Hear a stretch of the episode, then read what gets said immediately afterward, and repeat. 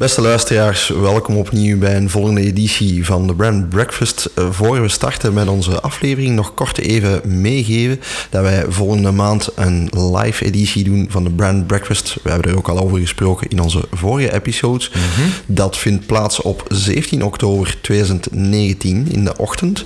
Uh, vindt plaats in Terhelst, het congrescentrum in het Antwerpse. En we hebben intussen ook al heel wat confirmatie en uh, zekerheid over de sprekers het programma. Misschien kan jij daar iets over vertellen, Stef. Ja, dat klopt. We gaan het uh, dus hebben over merkbeleving. Hè. Dat hadden we al, uh, al aangekondigd. En uh, onze eigen Sophie Blomé gaat daar iets vertellen, als alles goed is, over merkbeleving en hoe je dat creëert in het algemeen, het belang daarvan. Mm -hmm. We hebben ook een, een heel straffe case uit de ja. retail uitgenodigd. De Koen Nolmans, CEO van Toychamp, komt uitleggen hoe zij met behulp van beleving eigenlijk overeind blijven in een toch vrij disruptieve sector van zowel het speelgoed als de retail in hun geval. Ja, ja. En dan hebben we een panelgesprek dat jij gaat modereren, Michael, met uh, onder andere ondergetekende, mm -hmm. maar ook uh, Stefan Genaar, dat is een strateeg, digitaal strateeg bij, uh, bij Duke Grace. En Cathy van de Kastelen van Bureau Project, die het gaat hebben over de impact van interieurs en omgeving op, op merkbeleving. Dus dat een, een, een vol programma voor ons ontbijt, maar zeker en vast de moeite waard om voor in te schrijven. Voilà, we hebben getracht een gevarieerd programma samen te stellen, dus ik denk voor elk wat wils, hè, mm -hmm. heel wat inzichten willen meegeven aan jullie, inclusief een lekker ontbijt dat we ook voorzien. Uh, je kan nog inschrijven, er zijn nog wat, wat plaatsen beschikbaar. Je kan inschrijven via live.brandbreakfast, sorry, live.brandbreakfast.be. Zo is het. Uh, ik struikel even over mijn woorden. Um, je kan daar inschrijven voor nog de laatste tickets en dan hopen wij jullie binnenkort te mogen verwelkomen. Ja, voilà. En dus ja, nog uh, laatste warme oproep, hè, afhankelijk van wanneer je het beluistert. Even schaamteloze zelfpromotie, dat mag wel voor een branding en marketing podcast. Maar nu gaan we er echt aan. We gaan starten aan de show. Ja. Welkom bij Brand Breakfast, de Nederlandstalige podcast over merken en marketing. Geniet van deze aflevering vol tips en tricks om ook uw merk te verbeteren.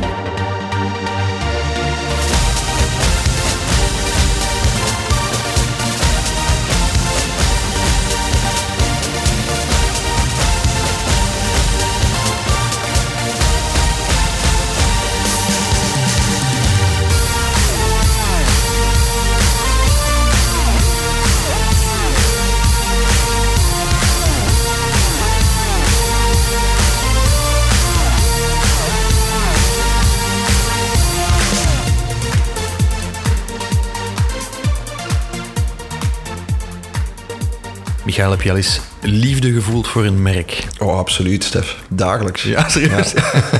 ik wel dus, hè. dus echt zonder zever. Ik, ik ben niet te beroerd om dat toe te geven. Ik ben nogthans gelukkig getrouwd.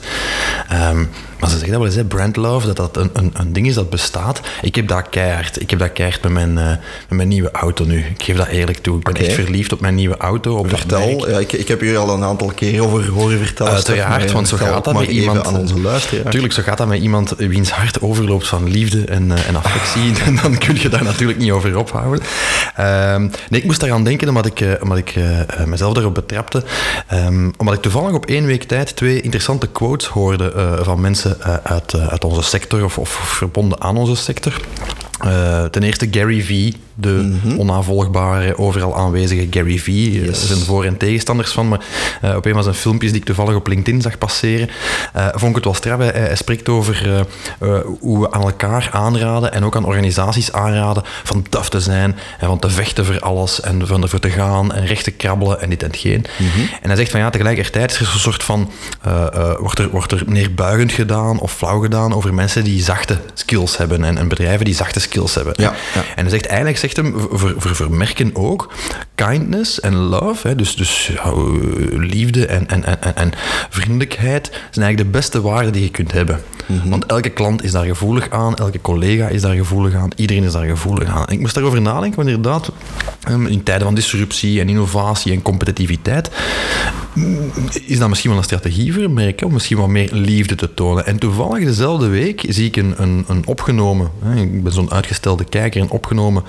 uh, documentaire over uh, Wouter Torfs, met een dikke vriend Ja. Wouter Torfs, Ja, ja, ja. uh, die op een gegeven moment zegt van ja, voor mij ondernemen, en dat gaat dan even over ondernemen, ondernemen voor mij is, is de liefde en de passie die ik heb, is dat kanaliseren naar de markt.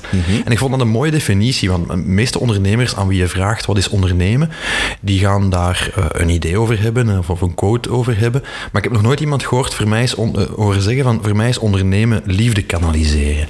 Liefde voor mijn medewerkers, voor mijn product, voor de gebouwen waarin ik die producten verkoop, voor mijn klanten in de eerste plaats uiteraard ook.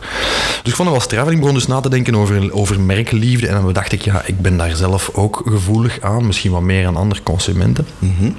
En ehm, wat blijkt, hè, als je dat wat gaat googlen, eh, blijkt dat studies, dat er dus verschillende eh, onderzoeken zijn die aantonen, academische studies, die aantonen dat eigenlijk liefde voor merken soms gelijk loopt met eh, een echte liefde, hè, met, met een huwelijk. Hè.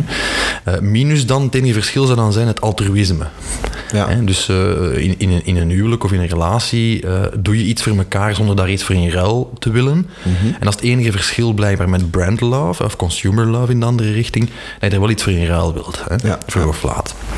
Is, is dat dan hetzelfde, Stef, zonder dat ik u, sorry dat ik u onderbreek, is dat dan hetzelfde als empathie dat je voelt voor een merk? Of eh, Nee, want zie empathie... daar toch nog iets verschillends? Ik zie daar eh? toch nog een verschil in. Liefde is echt hardcore. Liefde is ehm, rondlopen met een t-shirt waar, eh, ik zeg maar wat, Microsoft op staat. Ja. Of Coca-Cola op staat. Hè, eh, of in mindere mate de naam van een band of, of, of een acteur die je Ja, dus vindt. u echt willen vereenzelvigen Ja. met een merk. Eh, Ja, alsof dat, alsof dat je een koppel vormt, alsof het een deel uitmaakt van je identiteit. Empathie is daar een belangrijke voorwaarde toe, daar kom ik zo dadelijk toe. Eh, maar het gaat toch nog een stap verder. Hè? En dat is ook de vraag die je moet stellen. Van, zou ik met, met, met het logo van dat merk, uiteraard geen kledingmerk, maar hè, zou ik daarmee rondlopen eh, op kledij? Zou ik dat luidop verkondigen, NPS-score gewijs? Zou ik dat aan anderen gaan mededelen? Zou ik misnoegd zijn mocht ik een alternatief product aangeboden krijgen? Ik heb dat Ja. zelf bijvoorbeeld in restaurants waar ze met Pepsi-Cola aanbieden. Ik ben Ja. wel een cola-drinker. Hè, Je hebt zo dat mopje van, eh, is Pepsi ook goed? En dat je dan moet vragen van, is Monopoly geld ook goed om mee te betalen? Dan, Ja, ja, dus dan ben ik toch een beetje teleurgesteld. eh, Nu, als nu het gaat het dan ook niet, Stef, want de voorbeelden die jij nu opnoemt zijn natuurlijk, ja, eh, zoals men noemt, ook wel al love brands. hè? Mhm. Bepaalde automerken of Coca-Cola. Ja, dat zijn natuurlijk typische voorbeelden, zoals Apple dat bijvoorbeeld ook is. Mhm. Ehm, kan je brand love of liefde voor een merk ook creëren? Ik zeg maar iets voor een, een merk dat meer ja, eh, statisch is, of een, of een B2B-merk, of een, eh, ja, een, een eenmalige aankoop dat je doet. Want de voorbeelden die jij nu opnoemt zijn natuurlijk ja, voorwerpen of items die je ook dagelijks gebruikt, waar Ja. je ook heel, heel regelmatig mee in contact komt. Ja, we moeten daar niet flauw over doen. Het is natuurlijk makkelijker. Hè? Ja. Het is makkelijker als Coca-Cola zijnde, of Apple zijnde, of McDonald's zijnde, of BMW zijnde, weet ik veel wat. Als je een iconisch merk, hebt, eh, eh, iconisch merk hebt, helpt het natuurlijk om die liefde te creëren, maar niet wegneemt dat je dat eh, eigenlijk voor elk merk kan.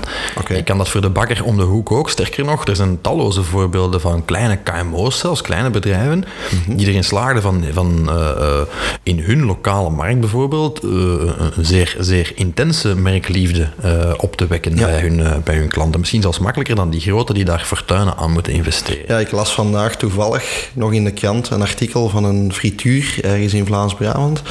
ehm, waar dat, eh, die een week moest sluiten omwille van een klacht van buren. juist, juist, juist. Gezien, en zij ja. hadden een petitie georganiseerd voorbij weekend in het dorp, hè, Mhm. eh, of de stad, ik weet eigenlijk niet meer exact waar het was. Ehm, maar toch 400 handtekeningen bekomen van mensen die zeiden, ja, die frituur is toch wel een meerwaarde Mhm. voor mij. Ja, maar ja, maar dat is het hem net. Hè. Dat is net heel mijn punt. Hè. Liefde doet eh, mensen zotte dingen doen. Dat is in relaties zo. Hè. Maar dat is in onze relaties met merken of interacties met merken toch op zijn minst, eh, is dat ook zo. Hè. En, en, en eh, trouwe klanten of tevreden klanten die die brand love voelen, die gaan ook wel in de bres springen. Hè. En ook dat blijkt uit studies trouwens. Hè. Dus er is een studie geweest, niet zo lang geleden, op een periode van 12 jaar. En wat blijkt dat merken die consistent als geliefd worden aangeduid door respondenten, dat op die 12 jaar dat men dat getracked heeft, dat die hun winstmarge ehm, verdrievoudigd is. Ja, ja. En dus ze zijn drie keer zo profitable geworden. Omwille van loyaliteit en ambassadeurs. Voilà, wat dat komt daarbij kijken natuurlijk automatisch bij die liefde. Nu, omgekeerd, bij merken die minder geliefd worden, hè, dus die dus worden aangegeven als van ja, ik voel daar niks speciaal voor, Mhm. die zijn ook gegroeid, maar maar 32 procent. Ja. Dus dat is toch wel een, een, een bijzonder verschil en daarmee dat ik het ook wel een, een interessant topic vind om over na te denken als merk, en wij ook als professionals in ons vakgebied, omdat het loont dus wel degelijk om erin te investeren, om die merkliefde op te wekken bij uw doelgroep. Wel, als we daar misschien op kunnen verder gaan, Stef, je voelt de hamvraag al komen. Hè? Mhm. Ja, hoe? Eh, hoe? Hoe kan een bedrijf dan die merkliefde oproepen? Ja. Eh, heb je daar een aantal tips voor? Wel, er is één, één gouden regel. Hè, en, eh, en, en die geldt te koer voor elk brand. Hè, dat eh, zullen eh, onze vaste luisteraars al ten treuren hebben moeten horen eh, hier in deze podcast. Eh, maar het begint, het staat of valt allemaal met een customer first approach. hè. Oké. Als je eh, merkliefde wilt opbouwen, dan kan dat niet anders dan dat je echt alles wat je doet in teken zet van je klant. Dat wil dus ook zeggen, ook als het u als merk slecht uitkomt, opereer je wel in opdracht van die doelgroep en ga je ook echt, echt proberen te doorgronden wat zoekt die nu eigenlijk van mij, eh, wat wil die in die, inter- in die interactie. En dan vervolgens zijn er vijf voorwaarden. Hè. Als je zegt van oké, die customer first approach, we gaan die echt adapteren in, in de kern van onze organisatie, zijn er vijf voorwaarden om die liefde te creëren en die te behouden. hè. Eh, ik heb ze hier opgeschreven, eh, voor alle zekerheid dat ik er zeker geen vergeten. Eerst is vertrouwen. Hè. Zoals in elke liefdesrelatie is er vertrouwen nodig. Hè. Ik moet kunnen vertrouwen dat een merk het beste voor heeft met mij. En omgekeerd wil je als merk het gevoel hebben dat uw klant u vertrouwt. Ja. En dus dat is heel erg belangrijk. Dus eh, dat wil zeggen open en transparant communiceren. Alles doen om dat vertrouwen op te wekken. En Ja, dat is en het practice what you preach verhaal. Exact, Ja. exact. Het tweede is eh, de element of surprise, de, het verrassingsgehalte. Mhm. Net zoals je je geliefde wel een keer eh, verrast met een bloemetje of met, met, met een leuke attentie of door daar eens iets lief tegen te zeggen. Hè, die element of surprise, waar er gisteren nog over bezig, dat we een leuke mail hadden gekregen, wij als Ja. Pavlov dan, van een firma die ons welkom heet als klant. Ja, ik had dat niet verwacht, dat type mail. Het is ook leuk geformuleerd en je, dat Heel charme- speels ook, Heel ja. speels, dat charmeert in dit geval eh, heel erg. Dus dat verrassingsaspect, dat is in een, in een huwelijk zo of in een relatie zo, dat is dus Mhm. eh, in die brandinteracties ook. De derde is authenticiteit. Hè. Van zo gauw dat klanten natuurlijk vo- aanvoelen van ja, het is fake. Ja. Hè, het is maar een promo om mij terug naar de winkel te lokken. Of het is maar een mailje om mij terug naar de website te doen klikken. Ja, dat is heel erg commercieel. Als je het gevoel krijgt van er wordt hier van alles verkocht, Mhm. ja, dan spreek je niet meer over liefde. Dan spreek je over een zakelijke interactie. De vierde is dan affectie. Je moet ook wel wat liefde voelen. Een goed voorbeeld daarvan is affectie met een brand. eh, Zorgt ervoor dat mensen gaan kamperen om de première van een bepaalde film te zien. Ja, hè. ja, Of een ja, bepaalde franchise, Star Wars of Harry Potter. Of, echt wat. uitkijken naar een product launch. Uitkijken, Of, eh, eh, wakker blijven voor een iPhone-event, eh, lancering die gestreamd wordt abonneren op een podcast. Bijvoorbeeld. En dat is die affectie, die moet je natuurlijk in beide richtingen hebben. En de laatste, daar komen we dan... Vergeet je trouwens niet te abonneren, beste luisteraar. Shameless plug. Weer al. Eh, de laatste, daar komen we daar inderdaad op terug, dat is die empathie waar we het net over spreken. Ja. En empathie in branding, ik heb daar eh, niet zo lang geleden nog een, een heel blogartikel over gepost. Empathie is, eh, eh, is voor mij heel erg gekoppeld aan dat vertrouwen dat je moet hebben aan, in een merk. En dat is, stel dat er een probleem optreedt, het eerste wat je moet doen als merk is gewoon zeggen van ja, kijk, ik begrijp dat dat vervelend is. Ja. En dat ook echt menen. Ja, ja. Hè, je hebt niet altijd een oplossing onmiddellijk voor de hand eh, liggen. Maar dat wil dus ook zeggen, opnieuw customer-centric denken. Hè, een beetje afwijken van wat is er voor mij interessant als organisatie of handig als proces. Ehm, maar gaan kijken omgekeerd van ja, hoe kan ik mijn klant zo empathisch mogelijk benaderen. En dus zo dicht mogelijk aanleunen tegen zijn of haar levensstijl eigenlijk. Misschien een laatste vraag daarover, Stef. Mhm. Want je zegt inderdaad, allee, als, ik, als ik die aspecten hoor, dan geloof ik inderdaad dat een KMO daar iets makkelijker misschien op kan ageren. Ook omdat ja. die vaak iets persoonlijker werken Ja. hè, en eh, bepaalde contactpersonen intern hebben. Mhm. Wat zou je zeggen tegen een multinational van 5000 mensen? Hoe, hoe kunnen zij dat soort gevoelens opwekken?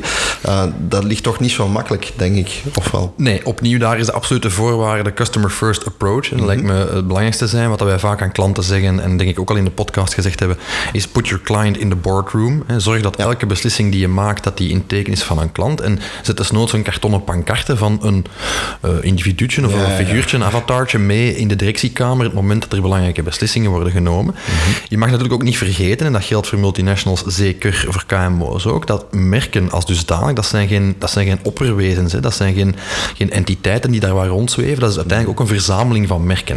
Dat wil wel zeggen dat iedereen mee moet willen. Ja. En, en talloos zijn de voorbeelden en de cases van een merk dat heel erg investeert in die brand love, maar gewoon één iemand, één medewerker die een slechte dag heeft, of verkeerd is opgeleid, of met een verkeerde attitude aan de slag is, mhm. die heel dat kaartenhuisje uh, doet in, in, elkaar stuiken eigenlijk. Ja.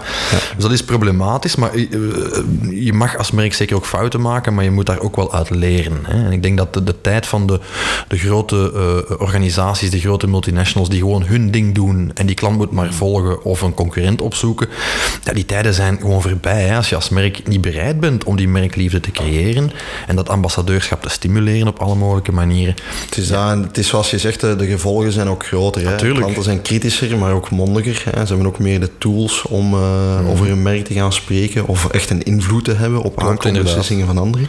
Uh, de vraag daar is in feite uh, in beide richtingen. Hè, van, van, als ik iets doe voor een merk als consument of als klant, mm -hmm. wat doet dat merk dan voor mij omgekeerd? Maar ja. ook omgekeerd. Hè? Ja. Want we spreken altijd over customer-centric. Je mag je dat als merk ook afvragen. Wat heb ik aan bepaalde klanten? Yes. Hè? En welke klanten hebben het meeste liefde voor mij en moet ik ook het meeste liefde aan, aan teruggeven eigenlijk. Hè? Okay. Uh, dus absoluut, uh, zeker en vast. Uh, en ook daar hè, naar concurrenten toe, wat je net aanhaalt.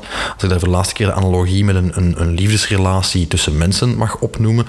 Ja, ook daar, hè, verzorg je lief wat, dan is de kans ook kleiner dat hij of zij naar, andere, ja. naar anderen gaat kijken hè, of u gaat bedriegen. Hè. Ja. dus kijk, wij willen vermijden dat onze klanten ons gaan bedriegen met een concurrent. Ja, dan moet je die liefde warm houden en ja, elk huwelijk is een beetje werken. Ah, absoluut waar, Stef. Voilà. Dankjewel voor de inzichten. Ik voel in ieder geval al de liefde in de kamer zo vroeg op de ochtend. dus uh, ik stel voor dat we op deze roes verder gaan naar het volgende segment. Voilà.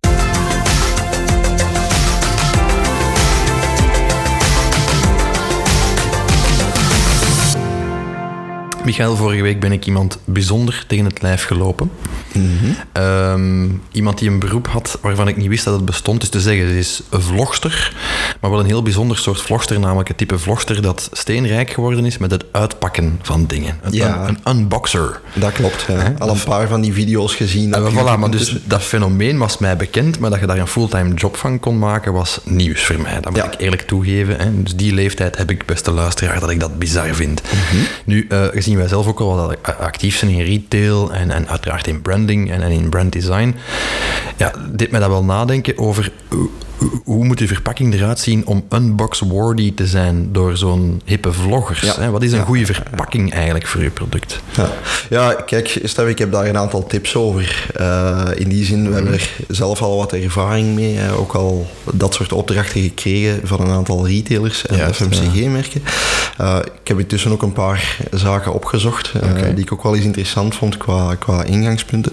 Nu ja, ten eerste, ja, je zegt unbox-worthy. Mm. het is natuurlijk ook belangrijk om te vermelden dat de inhoud natuurlijk ook wel hè, uh, zijn merite heeft. Hè. Tuurlijk. Dus dat je natuurlijk in eerste instantie moet zien dat je product zelf uh, aantrekkelijk is. Uiteraard, want voor, zich. voor je kunt unboxen moet je natuurlijk wel een klant verleid hebben om je box te kopen. Voilà. Dat is stap 1. Dus dat is, dat is ja, uiteraard ja, een essentie. Dus wij pleiten zeker niet dat de packaging alles is, maar wel een belangrijk stuk van een aankomproces. En van de merkbeleving.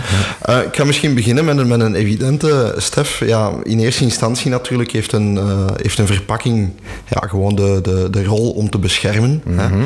uh, in die zin, je moet er eigenlijk voor zorgen dat uw verpakking productvriendelijk is. Wat bedoel ik daarmee? Dat je eigenlijk een, een mooie symbiose moet gaan creëren tussen je verpakking en je product. Ja.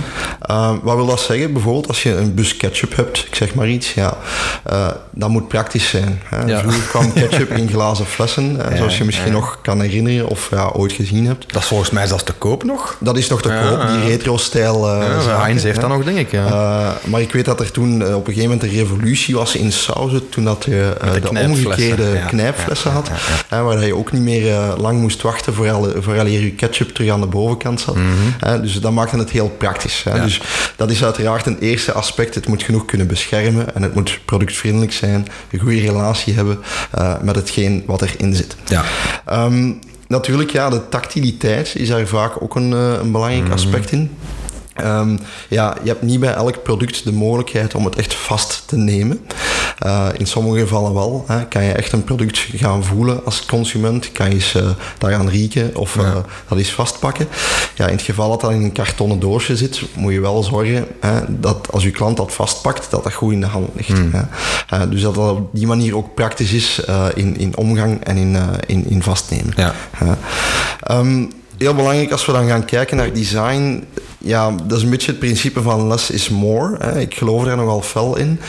Dat je eigenlijk een verpakking toch wel clean en simpel houdt. Ja, hè. toch? Um, wat bedoel ik daarmee? Ja, het moet eigenlijk in eerste instantie heel duidelijk zijn wat erin zit. Hè. Wat dat het is. Hè. Een design dat te schreeuwerig is, ja. um, kan daar ook ergens een stukje gaan afschrikken of onduidelijkheid gaan creëren. Dat is waar, maar ik bedoelde, uh, zodat ik onderbreek, ik maak me meteen de bedenking, wil dat dan zeggen dat het product altijd op de doos moet staan? Want bijvoorbeeld... Niet noodzakelijk. Uh, uh, ja. nee, nee, nee, Niet maar noodzakelijk. er moet duidelijk zijn wat erin zit. Ja. Uh, dat is natuurlijk relatief. Hè? Als je een premium product hebt, een iPhone bijvoorbeeld, staat niet op de verpakking getekend. Ja, hè? ja dat is relatief en natuurlijk ook afhankelijk van het type merk dat je wilt zijn. Ja. Je ziet dat premium merken heel graag werken met heel uh, simpele verpakkingen. Mm -hmm, Als je kijkt naar een Apple product, is dat bijvoorbeeld gewoon een, in, veel gevallen gewoon een witte doos met een, met een logo op. Wat het dan weer heel sexy maakt natuurlijk. Wat het heel sexy maakt en wat ook weer heel hard gaat teasen. Um, maar wat ik daar vooral mee bedoel, ja, de, de, alle informatie, alle productspecificaties, ja, die moet je soms ook verplicht op een verpakking zetten. Uh, maar die moet niet front and center staan. Ja, ingrediënten ja. bijvoorbeeld. Voilà. Een klant uh, moet eigenlijk vooral door de visual en de, de aantrekkelijkheid van, van een design uh, um, geteased worden om zo'n product vast te nemen. Ja, ja, ja, um, bijvoorbeeld het merk kan best ook wel vrij prominent in beeld zijn, of toch in ieder, in ieder geval een stijl die daar aangekoppeld is. Ja, oké. Okay. Dus dat is eigenlijk wat ik bedoel met less is more, niet te veel tekst hè, mm. of niet te veel mm. uh, bla erop. Het moet de essentie bevatten. Ja. Um, natuurlijk ook heel belangrijk bij zo'n verpakking, ja, het merk, ik heb er juist al gezegd, moet in zekere zin wel herkenbaar zijn, uh, maar ook de positionering. Hè. Uh, het spreekt voor zich dat je eigenlijk gaat proberen om met die verpakking ergens al tegemoet te komen aan verwachtingen van je consument. Mm -hmm. He, als je bijvoorbeeld een pakje koekjes hebt, um, ja, je wilt dat die consument goesting krijgt in die koekjes. Ja, dus wat je dan vaak ziet, is dat dat niet gewoon een afbeelding van een koekje is, maar wel een koekje waar al eens een hapje uit is genomen, waar ja. die kruimeltjes heel mooi naar voren komen. Ja. Uh, of uh, een, drankje waar dat je dan van die, van die fruitjes op ziet, uh, waar dat de sap echt komt uitgedropen. Ja, hè? ja, ja. Uh, dus dat doet die consument eigenlijk goesting krijgen om ook die verpakking vast te nemen en een bepaald gevoel, in dit geval van dorstlessing, uh, te geven. een bepaalde associatie van oké, okay, als ik dit ga drinken, ga ik, ga ik mijn dorst kunnen lessen. je kan ook bij andere producten, als je natuurlijk spreekt over vertrouwen wekken, ook een paar voorbeelden daarvan. Bijvoorbeeld bij etenswaren, um, heb ik gelezen in, in een studie, helpt het bijvoorbeeld om een stuk transparant, uh, transparantie in, dat je het al zie. Ja, ja, ja, in, uw, in uw verpakking uh, te, te, te, verwerken. Omdat een klant toch wel graag heeft dat hij dat product ook kan zien. Wat ons echt wel ver gezocht is, want bijvoorbeeld, ik ben altijd afgevraagd van die dozen met pasta in. Zo. Ja, ja, dat je denkt van, ja, oké, okay, zo ziet pasta eruit, altijd. En dat is toch echt niet dat, dat er slecht kan uitzien, pasta. Nee, uh, het valt een beetje te zien wat je koopt natuurlijk. Hè, want Mhm. het valt je misschien ook op dat als je verse pasta hebt, dat je die altijd kan zien. Ja, maar dat is nog iets anders. Ik heb het over de gedroogde dan bijvoorbeeld. Ja, ja, ja, ja, ja, ja. dat zal ook een, een vorm zijn van, van, van premium, denk ik. Hè, dat dan misschien pasta iets dikker is of een bepaalde kleur heeft die aanspreekt. Um, ja, over etensverpakking gesproken, trouwens, wist jij, dat hebben ze getest met uh, nootjes, dat als er een kommetje met heel veel nootjes op de cover staat, of met heel veel chipjes, ja. dat mensen meer eten ja. in één serving dan wanneer er minder nootjes op staan. Oké, okay, dus de gesuggereerde ja, uh, hoeveelheid, hoeveelheid uh, en die gaat, dan, die gaat dan omhoog. Omdat dat je is bij. Kellogg's ook, dat zijn altijd van die emmers vol graan en daar spat dan zo heerlijk frisse melk in en krijg je al goesting, oh my. Voilà. ja, dat, dat is daar het idee, hè. je moet eigenlijk een gevoel kunnen verkopen met je verpakking. Hè. Ja. Uh, niet gewoon het product als dusdanig, maar eigenlijk de associatie van te Mhm. mm. eten of van een, een bepaald product te gaan gebruiken. Ja. Ja. Ik neem aan dat kleur daar ook een gigantische rol in. Dat was inderdaad mijn volgende step. Ja. Dus uh, alles wat kleurgebruik is, is natuurlijk ook heel belangrijk. Ja. Uh, daar een aanbeveling, we hebben dat in, in een vorige aflevering ook al eens meegegeven om goed na te denken over kleurenpsychologie. Het is zo dat uh, consumenten echt gaan ja, bepaalde gevoelens gaan opgewekt krijgen bij het zien van bepaalde kleuren, warme of koude kleuren. Het is ook zo dat bepaalde kleuren ook afschrikwekkend kunnen zijn in combinatie met een bepaald product. Alright. Um, ik denk aan etenswaren bijvoorbeeld, waar sommige kleuren gewoon minder smakelijk zijn Mhm. hè, en dus beter kunnen vermeden worden. Logisch, ja. Um, en daar ook in het gebruik van de kleuren hangt het ook een beetje af van wie gaat mijn product kopen. Ja, hè. ja. Als je inderdaad zegt het moet premium zijn, hè, wordt er vaak bijvoorbeeld met, met donkere, met zwarte of gouden tinten gewerkt. Ja. Hè, eh, kijk je dan eerder naar, naar producten naar kinderen bijvoorbeeld, ga je heel felle kleuren hebben. hè, omdat die ook gewoon aangetrokken zijn tot, tot felle Hmm. Kleurtjes. primaire tinten, ja, tuurlijk, Hele ja. schreeuwerige verpakkingen. Ja, dus uiteraard, uw beoogde doelgroep is daar uiteraard ook een heel, heel belangrijk Hmm. aspect van. En turquoise en roze voor de dames en paarstintjes. Voilà, en, eh, ja, ja. Ehm, ik wou er juist trouwens ook nog zeggen, ook in, in relatie met die kleuren misschien, Stef, eh, omdat we sp- spraken over die soberheid en die positionering. Mhm. Het valt u waarschijnlijk ook op dat je bijvoorbeeld, als je naar eh, witte producten gaat kijken, dat dat vaak iets soberdere eh, verpakkingen zijn. Dat is vaak ook heel bewust gedaan. Hè, om het idee te geven van, kijk, eh, wij verspillen hier niet eh, aan hippe foto's en, aan hippe foto's en marketing.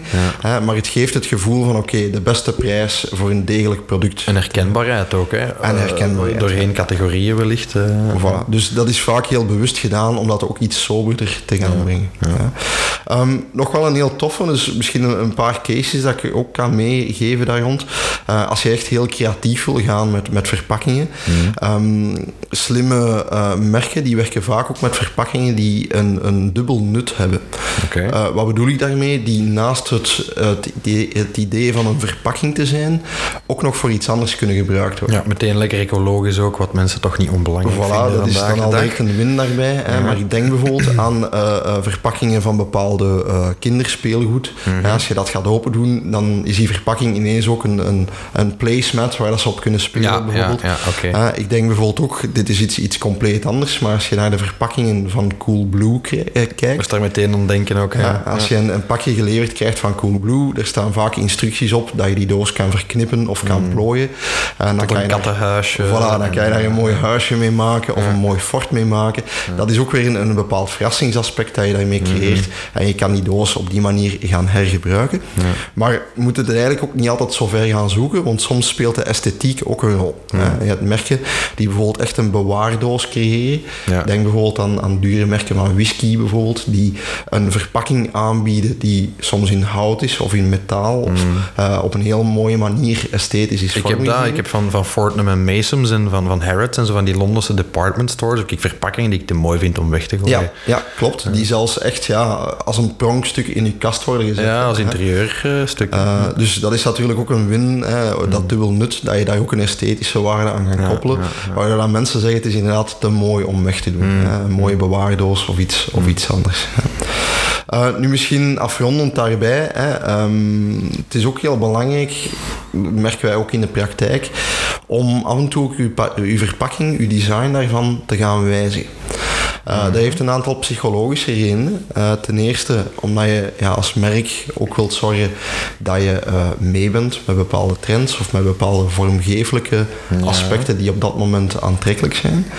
Maar het heeft ook een, een andere reden. Ehm, blijkt uit studies dat ja, consumenten zeker, eh, dat die, dat die een, een steeds lagere attentiepannen of attentiespannen hebben. Eh, wat maakt dat je ze soms ook bewust een beetje moet laten zoeken of een beetje moet laten Oké, ja. eh, eh, ja, een verrassingseffect moet creëren dat ze even moeten gaan kijken in trek van ah tja, waar staat mijn product?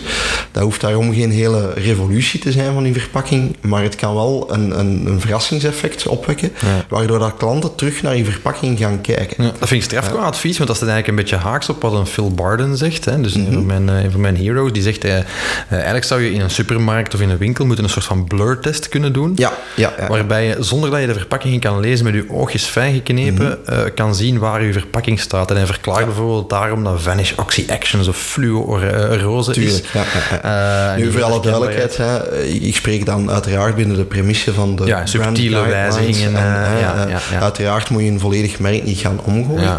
Hoewel dat je wel eh, eh, merken hebt die dat effectief doen. Hè. Die zeggen van oké, we, we, we spreken niet meer aan tot een jonger publiek bijvoorbeeld. Hè, ik denk aan bepaalde veranderingen die Danone bijvoorbeeld heeft gedaan. in zijn verpakking van, van Danio.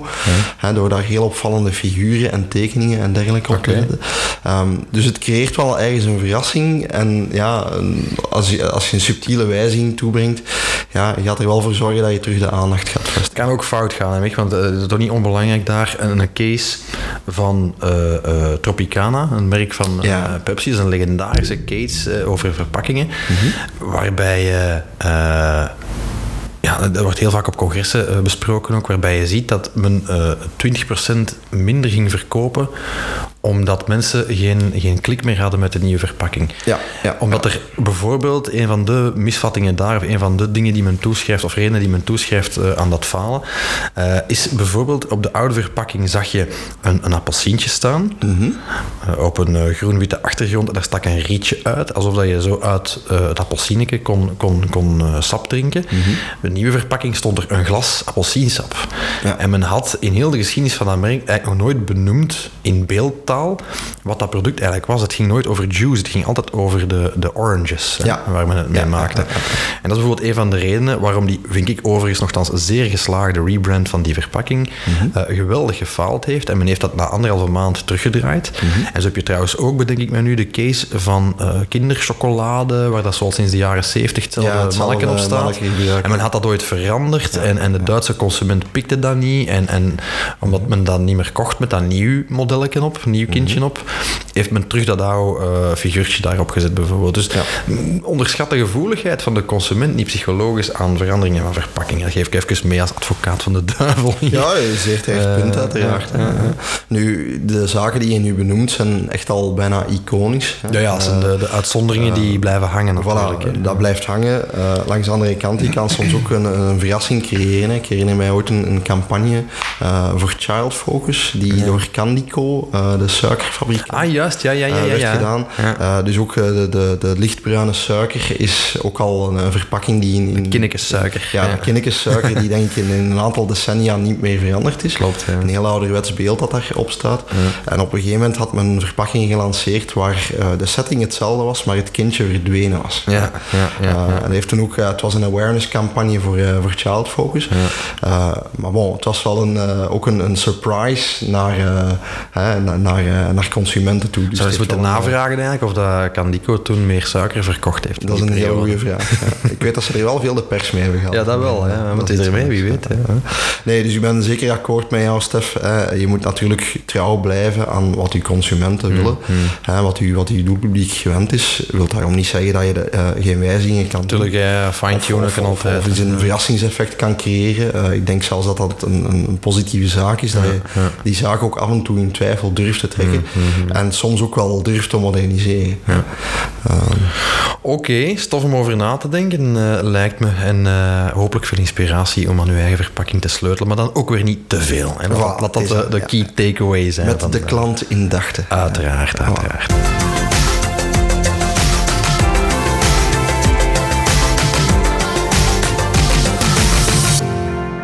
Goed, Stef, voor ons laatste segment wil ik het graag even hebben over automatisering en digitalisatie in onze sector. Oké. Meteen al een, eh, een, een mooie binnenkomen. Zo'n mond vol, ja. Voilà. Eh, ik heb in de afgelopen weken eigenlijk een, een heel interessant, allee, of een heel leuk artikel gelezen van een groep wetenschappers aan de Universiteit aan, van Maastricht, die een eh, tool hebben ontwikkeld waarmee ze door middel van AI logo's kunnen ontwikkelen. Oké. Oké. Ja.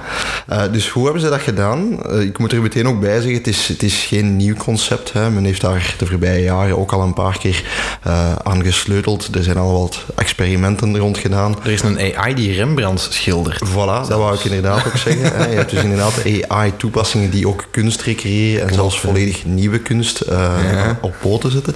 Wel, zij hebben dus een experiment gedaan met, met logo-ontwikkeling. Mm -hmm. Nu, hoe hebben ze dat gedaan? Zij hebben um, vanuit Twitter, wat eigenlijk een, een vrij open omgeving is, mm -hmm. zijn zij 120.000 logo's gaan rippen okay. van verschillende profielfoto's van, uh, van bedrijven en organisaties ja. op Twitter.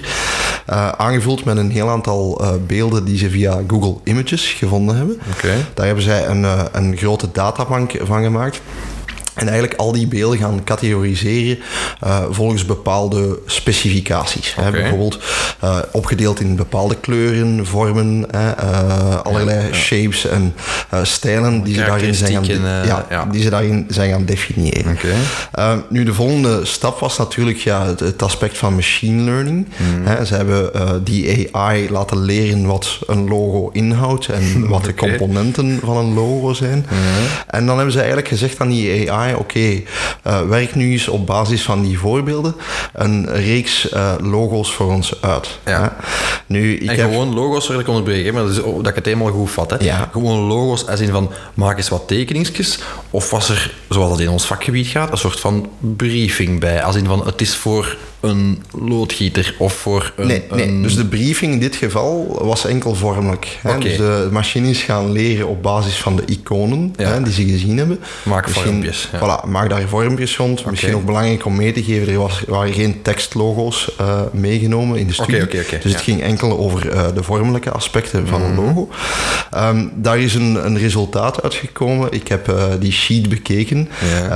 Dat is een interessant experiment, maar laat ons zeggen dat ja, geen van de logo's die je daarin ziet vandaag de dag, eh, dat die echt bruikbaar zijn. Ja, gezien het Eh, geen visueel medium is, moeten we misschien ineens eh, aan de mensen beloven dat we dat linken op de website ook. Dus bij dat de we episode doen. zullen we een kan, eh, bijzetten. Ik kan het artikel zeker delen, want het, het is zeker een interessant experiment om te bekijken. Je kan hè. u zelf kijken wat, wat Michael ontdekt heeft qua AI-logo's en of u dat te pruimen vindt of niet. Nu, wat wel leuk was, hè, je hebt een aantal leuke resultaten uit dat experiment. Bijvoorbeeld, ze zijn erin geslaagd om eh, zo goed als het Google Chrome-logo te recreëren. Hè. Dus dat kwam er, kwam er uit, hè, uit een van de oefeningen. Ja. Ehm, hier en daar eh, zag je ook wel duidelijke karakteristieken in het logo. Ja. Eh, maar het waren eigenlijk een beetje zo gekartelde en wobbly vormen die eigenlijk, ja, laten we zeggen, niet echt bruikbaar zijn of niet echt esthetisch pleasing. Ik vind het er heel bizar uitzien allemaal. Ja, ja, ja. Nu, waarom, waarom geef ik dat aan? Omdat ik het wel een, een, een, leuke, ja, een leuke test vind eigenlijk. Ook om eens te kijken van oké, kan je leren op basis van enkel vormen? Eh, kan je daar, daar bijvoorbeeld ook een, een, een designer bepaalde eh, ideeën uitgeven? Ja, want je zegt een test, maar wat wilden ze eigenlijk bekomen? Was de bedoeling van branddesigners te vervangen door een machine? Of, of Goh, dat wordt de... niet zo expliciet meegegeven, Ja. maar het idee is wel dat je inderdaad eh, assisted, eh, ja, machine-assisted designs kan gaan maken. oké, Eh, dat is wat ik eruit begrepen heb. Inspiratie, bij Voilà, inspiratie. En misschien, wie weet, op termijn echt logo's uit kan halen. Ja. Nu, je voelt mij al komen, je, je haalde het er net ook al aan. Natuurlijk, de grote flaw in dit concept is dat die machine natuurlijk ook geen besef heeft van oké, welke of associaties Ja, moeten daar per se eh, achter zitten. ja, ja. Eh, wat is de briefing, wat is de doelgroep? Hè? Mm. Eh, zit er eigenlijk niet mee in. Dus de vraag is inderdaad ook hoe waardevol kan, kan zo'n logo worden. Hè? Als Ja, het mij- speelt wel in, in het kamp van zij die zeggen van ja, och ja, een logo. Goh, eh, Ja. mijn neefje van 14 kan dat ook in Photoshop maken. Of ja, kan ik dat voor 99 cent op 99 cents of wat is het, of 99 designs eh, bestellen. Dat is toch maar esthetiek, het moet er gewoon leuk uitzien. Ja, ja, wij zijn het er uiteraard niet over Nee, niet mee we zijn eens, het daar niet mee Dat eens, laat dat duidelijk wezen. Ehm, omdat inderdaad, ja, in, in logo ja, of een huisstijl gaat niet enkel over de esthetiek. Hè. Het gaat over het verhaal dat je eigenlijk wil emotie, hè, tuurlijk, De ja. emotie die je wilt ja. meegeven of eh, de descriptie, hè, de, de, de inhoud die je op die manier wilt gaan vertalen naar iets vormelijk. Dat is het verschil tussen een, een goed logo en een mooi logo. Voilà, het is dat. hè. Mooie logo's zijn er genoeg, maar goede logo's die meteen het juiste verhaal vertellen in een paar milliseconden, dat is toch al wat moeilijker, vind ik. Dat is inderdaad een challenge, Stef. En je haalde er net ook al het, het voorbeeld aan van eh, eh, websites waar je een designer kan inhuren voor, vijf, voor 5 dollar of weet ik veel wat. Mm. Ja. Je hebt eh, concepten zoals 99 Designs, Ja. eh, waar ze eigenlijk een wedstrijd organiseren. Eh, ik vind dat allemaal vrij onethisch eigenlijk. Omdat de meeste mensen ook voor hun creatief werk niet betaald worden. Maar goed. Maar je dat- snapt wel dat een, dat een KMO dat verleidelijk vindt. Ik snap waarom dat, dat verleidelijk is, maar ik geef dan ook graag het voorbeeld van de Google Translate, hè, die op die manier dan Ah, ja, zo voilà. gezegd ook Ja, een vertaalbureau zou, kunnen, zou kunnen gaan vervangen. Ook daar, hè, als Google Translate een tekst krijgt, gaat hij dat zeer letterlijk gaan vertalen. Met al hilarische gevolgen van die. Met alle hilarische gevolgen van dien. Akkoord, die machines die leren wel bij. Hè. Die technologie verbetert wel. Maar wat merk je dan, hè, als je die teksten letterlijk gaat vertalen, dat de emotie of de, eh, hoe zal ik het zeggen, de eigenschappen van, van een taal eigenlijk gaan verloren gaan. De, de persoonlijkheid die in teksten zit, gaat verloren als je die heel letterlijk Tuurlijk, gaat tuurlijk, vertalen. tuurlijk. En dat is een, een, een voorbeeld dat ik graag ook aangeef, waarom mensen mij soms de vraag stellen, oké, een logo, waarom moet dat zoveel kosten? Ja, je ja. ziet soms in de krant de meest waanzinnige verhalen eh passeren. Astronomische bedragen, Voilà, waar wij zelf trouwens, beste luisteraars, soms ook wel eens van achterover vallen, maar dit Voilà. geldt er. hè. Dus eh, soms een rebranding die dan wordt gedaan voor honderdduizenden euro's. Hè. Eh, nu, wat men vaak wel vergeet te vermelden, is dat er ook heel wat studiewerk aan vooraf gaat. hè. Dus er zit een component strategie ook vaak Mhm. Yes. achter, waar men onderzoeken gaat doen over die bij die logo's zijn, Mhm. eh, waar men ook stakeholder studies gaat doen, hè, eh, waar men echt ja, eh, start van een heel, heel duidelijke briefing en waar vaak ook meer dan één logo de ronde passeren. hè, Ja, want dat is, dat is werken, iets, dat weten wij ook van voilà. uit ervaring. Ja. en dan hebben we het nog niet over de implementatie van, van zo'n huisstijl, want dat kost natuurlijk ook wel heel wat. Als. Tuurlijk, je als multinational al je communicatie moet gaan, gaan aanpassen. Mm. Ehm, dat is ook niet, niet gewoon zeggen van we gaan wat kleuren eh, gaan wisselen, omdat ons logo nu toevallig een andere kleur Ja, heeft. tuurlijk, tuurlijk. Eh, maar dat heeft ook te maken met gewoon die stijl op een consistente wijze doortrekken. hè. Dus dat logo alleen is ook maar een heel klein stuk van een Van een merk. merk, hè. ja, tuurlijk, ja. Hmm. Eh, is één vormelijk aspect, maar je hebt daarnaast ook de iconografie, de beeldtaal, typografie vaak. Dat zijn ook allemaal aspecten die vaak wel in dat soort artikels ook vergeten worden. Ja. Dus we kunnen besluiten, een, een goed logo eh, kost nu eenmaal wat en een brand designer, een goede brand designer, die zijn vak of haar vak kent, die zal niet zo snel vervangen worden door een machine. Of ga ik nu te kort door de bocht? Als, als de vraag vandaag is, gaan branddesigners, eh gaat die hun job worden overgenomen door robots? Dan is mijn antwoord vandaag de dag nee. Oké. Eh, totdat een, een robot erin slaagt om echt intuïtief aan te voelen wat de briefing van een klant is. Ja, menselijke emotie mee te nemen. de emoties, maar ook de facetten van een merk volledig kan meenemen, zie ik dat niet gebeuren. Ja. Nu, je ziet wel, hè, en dat noem ik dan ook marketing assistance tools, hè, eh, eh, allerlei eh, eh, ja, eh, toepassingen, tools waarmee je DTP-werk kan gaan doen, Mhm. waarmee dat je eigenlijk in templates bepaalde zaken kan zetten. Ja, web-to-print Voilà, dingen bijvoorbeeld. Web-to-print ja, toepassingen. Hè, nu, ook daar zie je dat er meestal wel een, een menselijke hand aan zeggen, daar komt ook creatief werk bij kijken. Hè? Dus ik geloof wel in de combinatie van die zaken. Ik geloof wel dat we door middel van machines, en ik denk als je kijkt naar grafische toepassingen zoals een Photoshop of een Illustrator, Hmm. zijn in zekere instantie ook uh, machines die ons helpen ons werk te doen. Tuurlijk, ja, als je En kijkt naar de nuttige oldschool uh, designers, hè, we Klopt, we hebben er hier ook zo eentje freelance rondlopen die ooit nog met pen en papier en, Juist, en ja. plakken en fotocopiëren heel de designs. uitsnijden eh, van, van vormen Ja, en die samenplakken. dus daar is een evolutie in en die moeten we ook niet tegenhouden, denk ik. Maar het gaat erover dat je een merk ja, volledig moet kunnen begrijpen. eh, ook wat dieper moet zoeken dan enkel wat ziet er, goed, wat ziet er mooi Ja, uit. Of wat is hip vandaag de Verder dag. gaan dan de esthetiek. eh. Ehm, om echt een, een sterke huisstijl neer te zetten. Oké. Goed, ja. eh, mooi advies. Interessant experiment ook. Eh, ik hou altijd mijn hart vast als ik zo'n dingen hoor. Want ik denk, als je als, als, eh, een machine kunnen laten schilderen in de stijl van Rembrandt, hoe moeilijk kan het dan zijn om een logootje te maken? Maar dat blijkt dus iets complexer dan, eh, dan, eh, dan ik initieel had gedacht. Maar eh, bekijkt u het vooral zelf eh, via brandbreakfast.be. We zullen de link eh, bij deze episode eh, plaatsen. Dan kan u het zelf bekijken. Voilà, dan zijn wij rond voor deze maand, Michael. Dat klopt. Ja. Dan zou ik zeggen, ja, laatste oproep, laatste schaamteloze plug in een marketingpodcast moet dat kunnen. Om toch nog in te schrijven voor ons Brand Breakfast live ontbijt op 17 oktober. En eh, sowieso horen we jullie volgende maand graag terug voor een verse episode. Tot volgende maand. Tot volgende maand. Bedankt voor het luisteren.